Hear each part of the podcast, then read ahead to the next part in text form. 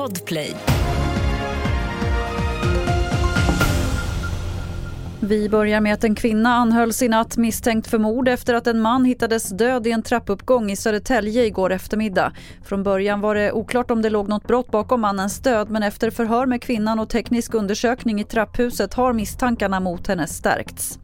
Sverige saknar grundläggande elberedskap vid kris och krig och bryter med det mot EU-lag, det skriver DN. Redan 2019 skulle åtgärdsplaner för elnätskollapser ha funnits på plats.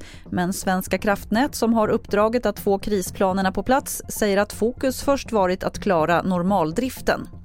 Nästan varannan diabetiker har haft problem med att få ut sin medicin det senaste året. Ända sedan läkemedlet Ozempic visat sig effektivt för att gå ner i vikt har tillverkningen kommit i otakt med efterfrågan. Och läkemedelshanteringen måste regleras på ett bättre sätt menar Diabetesförbundet. Det är väldigt oroande och vi ser också på sikt att det kommer att öka bördan för hälso och sjukvården. Också lidandet för personer som står utan läkemedel. Vi har inte en beredskap för eh, läkemedelsbrist.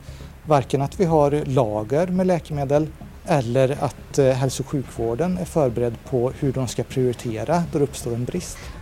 Det sa Björn Elin som är ordförande på Svenska Diabetesförbundet. Och fler nyheter det hittar du på tv4.se. Jag heter Lotta Wall.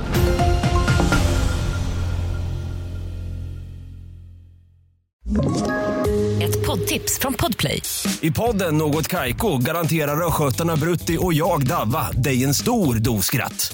Där följer jag pladask för köttätandet igen. Man är lite som en jävla vampyr. Man har fått lite blodsmak och då måste man ha mer.